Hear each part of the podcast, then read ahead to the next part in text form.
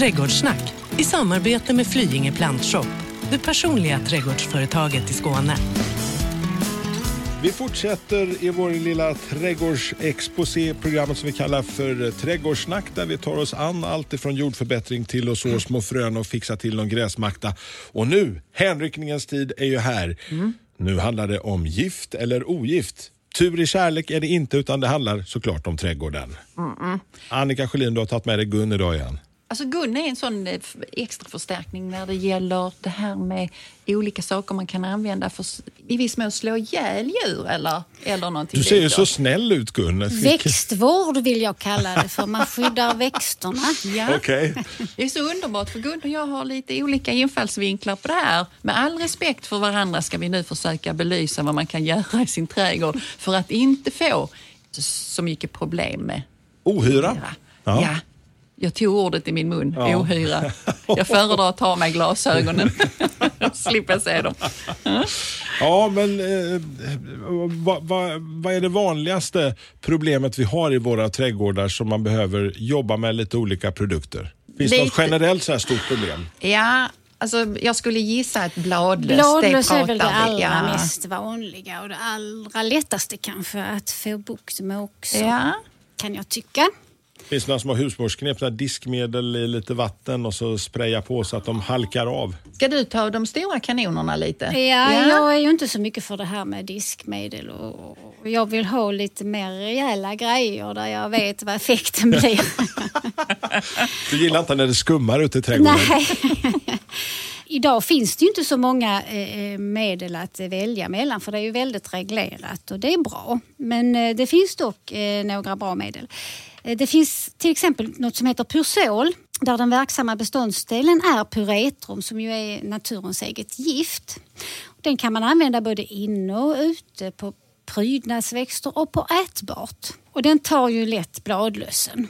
Man sprutar på dem. Om man ska käka det, är det någon karens på Ingen det? karenstid, men man bör kanske skölja dem om man ska äta det samma dag i alla fall. Ger de någon sån här bismak sådär, själva Nej. medlet? Nej, skölj det bara. Okej. Sprayas? Hur, hur applicerar jag de här? Den finns i färdigblandad som man sprayar på. Okej. Är det de vanligaste, om vi nu befinner oss, eftersom det ändå blir lite utomhussäsonger nu, eh, vilka är det som oftast drabbas av bladlöss ute i trädgården? Finns det några generella växter som är mer känsliga, eller träd Mm. eller buskar? Nu kommer, alltså du vet det här pekfingret som Ja, är vet, det lite, lite- pestigt. Ja, Annika kom upp med pekfingret och det känns alltid lite hotfullt. Men... Jag gör det inte det. Ja. Jag ska försöka vara snäll. Det är så eh, att man kan förebygga ganska mycket av problemen med till exempel bladlöss och så genom att sköta om sina växter på bästa sätt. Men nu gör inte De- alla det som du Annika. Nej, men då får man kanske börja göra det för mer och mer av de här lite mer potenta eh, sakerna försvinner från hyllorna. Och då är, jag ser det som en, en liten kvällsrunda. Jag går ut och tittar i min trädgård. Hittar jag nu några såna hopkrullade blad och så ser jag att där är löss, och det, eller bladlöss då. Och det spelar egentligen ingen roll om de är gröna eller svarta eller vad de är för någonting. Så nipsar jag bort de bladen eh, och då har jag liksom blivit av med lite av problemen och det gör jag ju ofta. Jag vet inte om det är att, att ge folk för mycket att göra men det är ju ett bra sätt att mota Olle i grind, att gå och titta på sina plantor och så kan man då eh, eh, samtidigt njuta av sina växter. Så hoprullade blad. Vet du förresten att, att det är så sött, men vanlig skit heter skit, men när bladlusen eh, skiter så blir det någonting som kallas för honungsdagg. Honungsdaggen gillar myrorna. Så det är också en sån sak som man kan kika efter. Om man har myror som spatserar upp, om det är i vinbärsbusken eller om det är i ett, ett, någonting annat, så kommer det en liten myrstig där. Då har man sannolikt myror som är på jakt efter denna honungsdagg.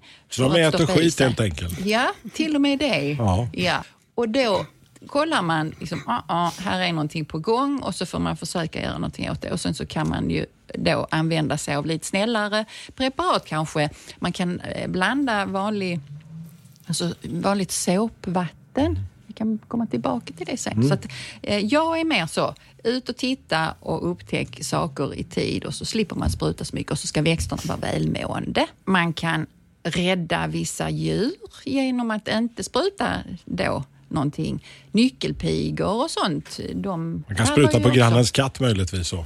nu ska det vara allvarligt här.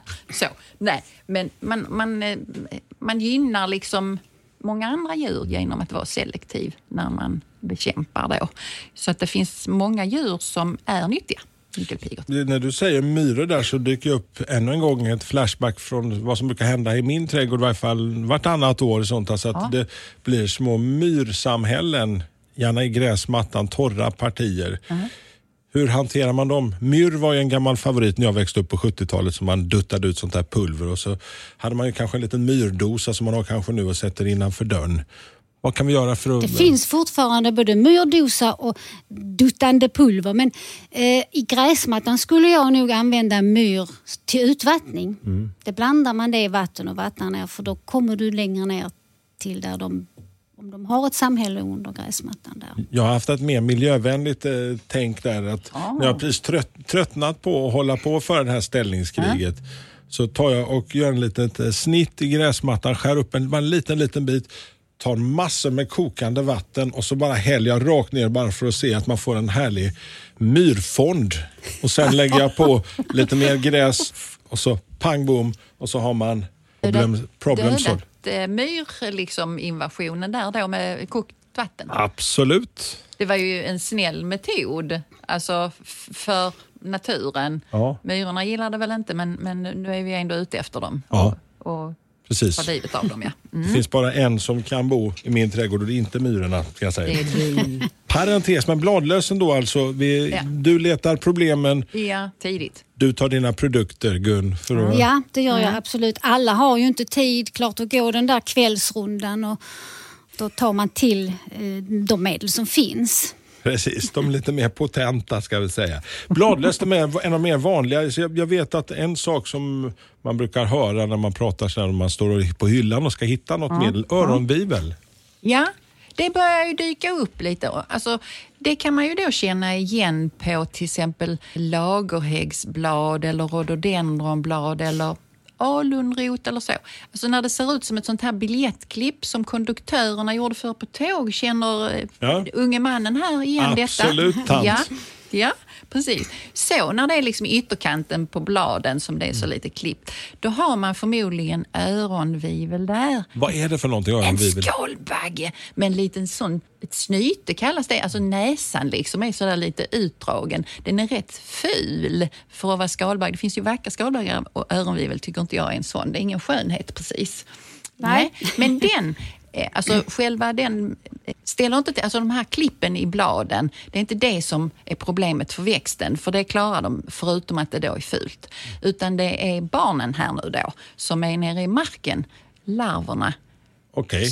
små lite tj- tjocka vita historier eh, som är ungefär en centimeter stora och så brunt huvud. De ställer till med problemen så självklart så vill man... Eh, Gå till roten med det. Ja. Ja, De skulle jag ju, om jag hade öronvivel, då tar jag substral insektsmedel heter det. Det är en verksam beståndsdel i den som heter acetamiprid. Det tas upp av växten och fördelas med växtsaften i hela växten så att när skalbaggen kommer, alla sugande och alla bitande insekter, när de kommer och, och äter på dem så dör de. Substralen har funnits med länge så den kommer jag till och med ihåg farsan hade någon flaska ute i, i sitt... Substral gödning kanske. Just det. Detta är insektsmedel. Jag har bytt lite där. Jag blir helt förvirrad på det när, Ja. när man säger substral för då tänker jag gödning men det, det, det är Men det inte den längre. är väldigt bra till alla sugande och bitande insekter. Men den får bara användas på prydnadsväxter, inte på ätliga saker. Men hur eh, applicerar man en sprayflaska? Sprayar på ja.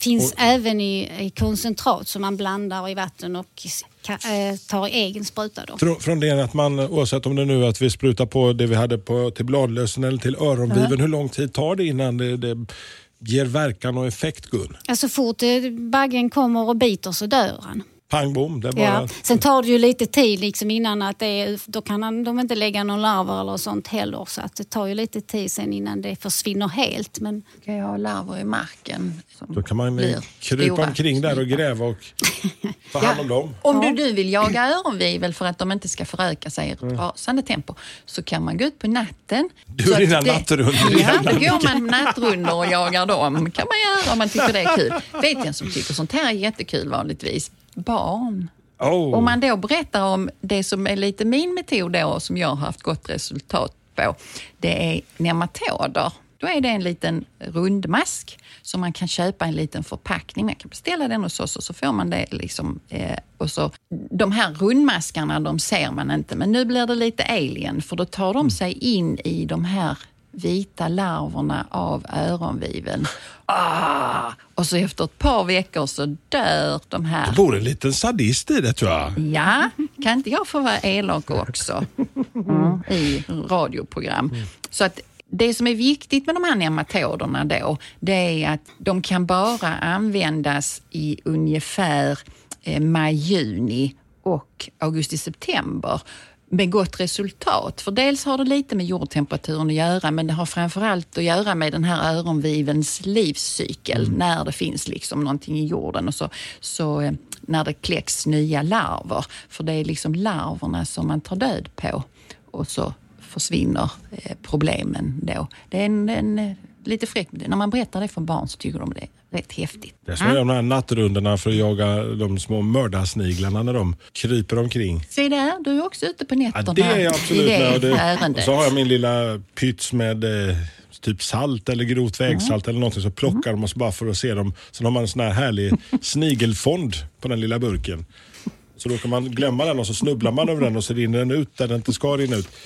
Annan historia. Det, ja, det låter inte så trevligt men... Mm. Välkommen till Flyinge plantshop. Ett riktigt gardencenter där kunskap, kvalitet och service är en självklarhet. Bara tio minuter från Lund finner ni allt från perenner och buskar till stora träd, jord, gödning och tillbehör. Välkomna till Flyinge plantshop. Drömmen för alla trädgårdsälskare. Spinn är ju någonting som är finns i olika format. Ja. Jag har haft det i min häck, men det finns också spinn som kan tas in i växthus. Vad är spinn för någonting? Spinn på gurkor till exempel, mm. det har vi ju rätt många som frågar om eh, eftersom vi säljer grönsaksplantor och sånt också. Och de eh, små djuren då, eh, de är också lite intressanta att bekämpa med sådana här snällare eh, preparat. Då. då finns det ett spinnrovkvalster. När man hittar sitt första tecken på spinn, om man tittar på sin gurkplanta, för det är inte helt sällan där de är, eh, så blir det liksom som små fläckar på ovansidan bladen och så finns de här spinndjuren som man kan se med blotta mm. ögat med lite ansträngning då under bladen ofta. Och sen så går det lite längre så kan bladen bli gula och falla av och bli så torra. Ofta uppstår det problemet i växthus när det är för torrt, alltså mm. luftfuktigheten är för låg och gurka vill gärna ha en hög mm. luftfuktighet. Har man då inte det så får man snabbare problem med gurkorna. Men har man gurka och tomat i samma växthus så dröjer det mycket längre tid innan tomaterna reagerar för de, är inte, alltså de bryr sig inte så mycket om att det är låg luftfuktighet. Då. Men nu har vi hittat tecken på spinn här då. I det lilla växthuset? Ja, och då köper man sig rovkvalster. Eh, kan man också beställa och så får man hem eh, det. Och sen så behandlar man då genom att man häller ut de här rovkvalsterna. Nu är barnen med här. Så har man köpt sig en lupp och så kollar man på det kriget som uppstår där på bladen. Oh. Det gjorde jag när jag hade spinn på mina gurkor. Det var faktiskt rätt roligt. De jagar liksom varandra på bladen man kan se det i lupp. Okay. Brorsbarnet var väldigt intresserad kan jag tala om. Om man, om man inte nu har det där härliga tålamodet som du tycks ha Annika, om man är mer som Gun. Vad ja, finns det för potenta för spin, medel? Ja, för spinn skulle jag nog välja en... Eh, det heter fruktträdseffekt, men, men eh, det är kanske dumt det namnet eh, för det går på alla prydnadsväxter, alla grönsaksväxter och även i växthus. Verksam beståndsdel är rapsolja raffinerad. Den skulle jag i så fall välja. Dock inte på gurkplantor för gurkplantor är väldigt känsliga Mm. för att besprutas. Så där skulle jag kanske trots allt ta Annikas eh, val där. Men på resten av grönsaksplantor och prydnadsväxter i växthus skulle jag använda den här eh, fruktträdseffekten. För då sprutar man på den, blandar man i vatten och sprutar på. Kan man ta vanlig rapsolja och spruta på också eller? Det vet jag faktiskt inte. Den är nog behandlad på något sätt. ja. Så den lägger sig som en hinna och kväver de här djuren. För då har man ju redan förberett grönsaken för tillagning menar jag. Om man nu liksom har kört på lite rapsolja så kan det vara ja, ja. till den lilla salladen eller bara slänga dem i pannan direkt. Och Liksom. så är de lite glansiga och vackra och så. Ja, men du, det är genialt. Precis, Ja. alltså, miljövänliga gänget här. Men hör du nu, Gunny vill göra samma sak som jag så att det är, vi är många som Hon har håller kommit över tålamod till den, här. eh, till den ljusa sidan här. Liksom. Vi är på den mörka sidan som gillar men lite... alltså båda sidorna finns ju och det är en Ja. verklighet. Men vi försöker belysa dem på lite olika sätt och vi gör säkert lite olika alla, eh, alla både Det låter väldigt deprimerande det vi pratar om. här. Det är ju problem i trädgården. Men det är, det är det vi ägnar det här avsnittet åt. Så jag tänker Mm. att vi tar oss an ett, ytterligare ett problem. Och då pratar vi om äh, mjöllus i Ja. växthus. Ja. Jag skulle använda samma medel som jag sa, fruktträdseffekten. För den går till, eh, också till löss. Okej, så och där den där rapsoljeblandade. Ja, den skulle jag använda. Och eh, Ja, eh, alltså det här med vita flygare hette de här mjöllusarna förr. Ja, och de känner man ju igen på, om man nu kommer in i sitt växthus säger vi, och så plötsligt så när man nuddar vid någonting Så eh, flyger så de, flyger ja. de upp och så är de sådär vimsiga, små vita historier eh, som flyger omkring som är sådär eh, ja, en och en halv, två millimeter eh, långa. Och de ger symptom, alltså precis som andra löss, att de suger liksom i bladen och sen så eh, blir det små prickar då. Alltså de är ju likadana, det är samma vals igen med honungsdaggen och sen så är den honungsdaggen då, alltså skiten, eh, då växer det sotsvamp så har det gått ganska långt med de här vita flygarangreppen så får man ibland svarta blad. Det ser ut som om någon har strött sot på dem. Nu kommer det generaler. Då kan man ha parasitsteklar. Eh, samma nyttodjur, liksom, eh, alltså sådana som man kan använda sig av. Och Så de tar det- det- bara de här då och lite andra eh, skadedjur. Annikas medel är att vi använder ett helt halvt zoo som vi går och handlar och sen släpper ut det i trädgården. Ja, och fördelen är att de tar liksom bara det och de ställer inte till med något trassel för någon annan. De tar liksom inte livet av, av alla nyckelpigorna och sånt utan de ger sig på den här mjöllusen och sen så, så småningom så eh, försvinner problemen. Det tar lite tid men det är en framkomlig väg. Och det är samma sak. Alltså, sånt kan man beställa och undrar man någonting så kan man komma och prata med oss och så hjälper vi till med att beställa saker. Men jag tänkte på det också att med tanke på att skydda nyckelpigor och, och, och bin och humlor så kan man ju spruta på kvällarna. Då är de oftast inte så aktiva, de nyttodjuren. Det står ju ofta på förpackningarna av de här olika sakerna då som man sprutar, att när man ska göra det, när det är lämpligt. Och det är ju för att inte skapa mer problem än nödvändigt. Så en av de här, nu åkte pekfingern upp igen, det är ju att läsa på instruktionen. Det är väldigt, väldigt bra.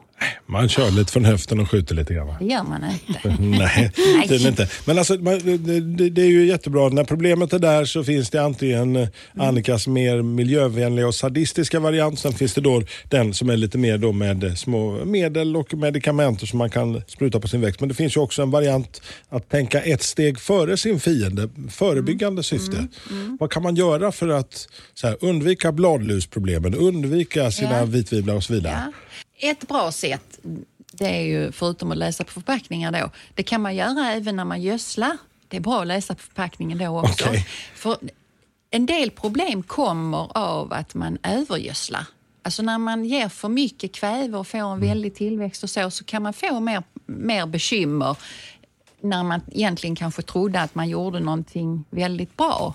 Så det är ett sånt tips.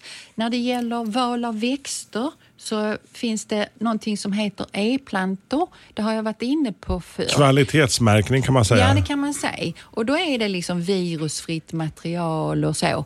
Eh, och där får man redan från början någonting som är så bra det går. Och sen finns det när det gäller fruktträd, buskar och så, eh, framförallt vinbär och, och krusbär och sånt. Alltså en del som är resistenta mot olika saker och vet man att man har problem med ett eller annat så kan man välja någonting som är resistent kanske mot det som man har haft problem med på någon annan buske. Så att, samma sak, man kan fråga oss eller så läser man på våra eh, skyltbilder eh, och så börjar man ja, från ett bra utgångsläge kan man säga.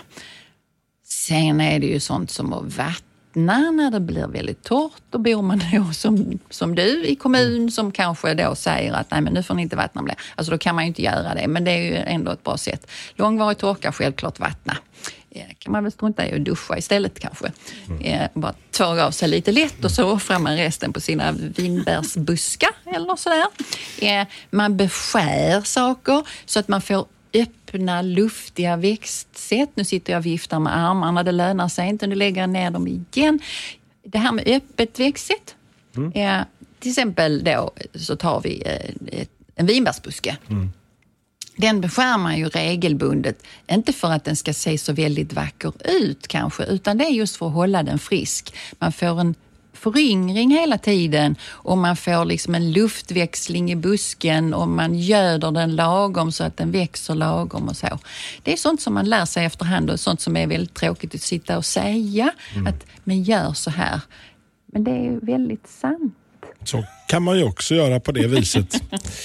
ja, hörni, vi ska ta och eh, såklart ta fram ett litet växtporträtt. Vad har vi för någonting den här veckan? Inget olvon. Inget Volvo? Nej, Nej. Det, jag tänkte Nej. precis frågat det. Ja, ja. Alltså du började tycka att det var tjatigt så då fick jag ju hitta på någonting annat. Så nu du... tänker jag mig en annan vitblommande buske. Okej, okay, vad en, tänker vi? En jättesöt.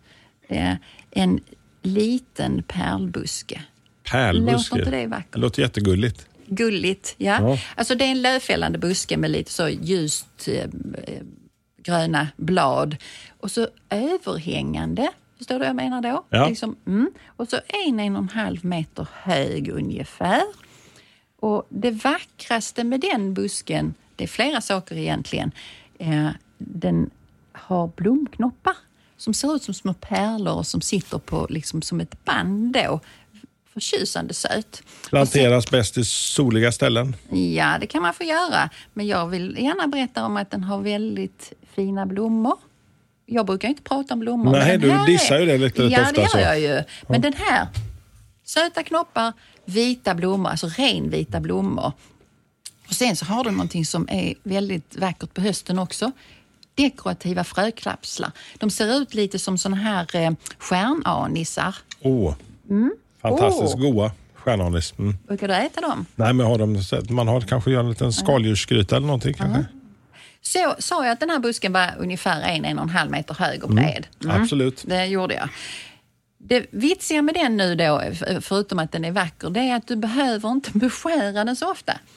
Det här är då en vackert växt buske som inte är bekänt av någon hård beskärning utan man liksom bara kollar den om den har någonting som är dött eller så, så plockar man bort det. är som ett självspelande piano i trädgården. Mm. Ja, man får ta hand om den också. Ja. Den ska placeras i sol. Okej. Okay. Ja, i en lucker, väldränerad och gärna vindskyddad plats. Då kommer den bli jättesnygg. Jag skulle kunna använda den busken till exempel på en murkrön när det nu är bra så att den liksom får trilla över kanten eller som en solitär buske, alltså den står ensam där man ser den liksom... En liten primadonna helt enkelt? Ja, det är det. Ja. Verkligen en primadonna. Och sen så eh, tycker jag att eh, man ska kunna liksom gå och kolla på den på hösten också. Så inte in med den i någon, någon hörna där man inte ser den på vintern. Den är faktiskt eh, alltså, vacker, även när den är avlövad. Planteras eh, gärna denna tiden på året eller när som? Ja, när, det här med när som eller planteras. från det tjälen går ur jorden till den går i kan vi plantera sånt som är krukodlat. Och den här är krukodlad. Den ska få sällskap, självklart. Några kompisar. Ja, kompis. Nu tänker jag mig att det här står i sol i den här jorden. Då skulle jag kunna tänka mig att man sätter något väldigt upprätt tillsammans med den.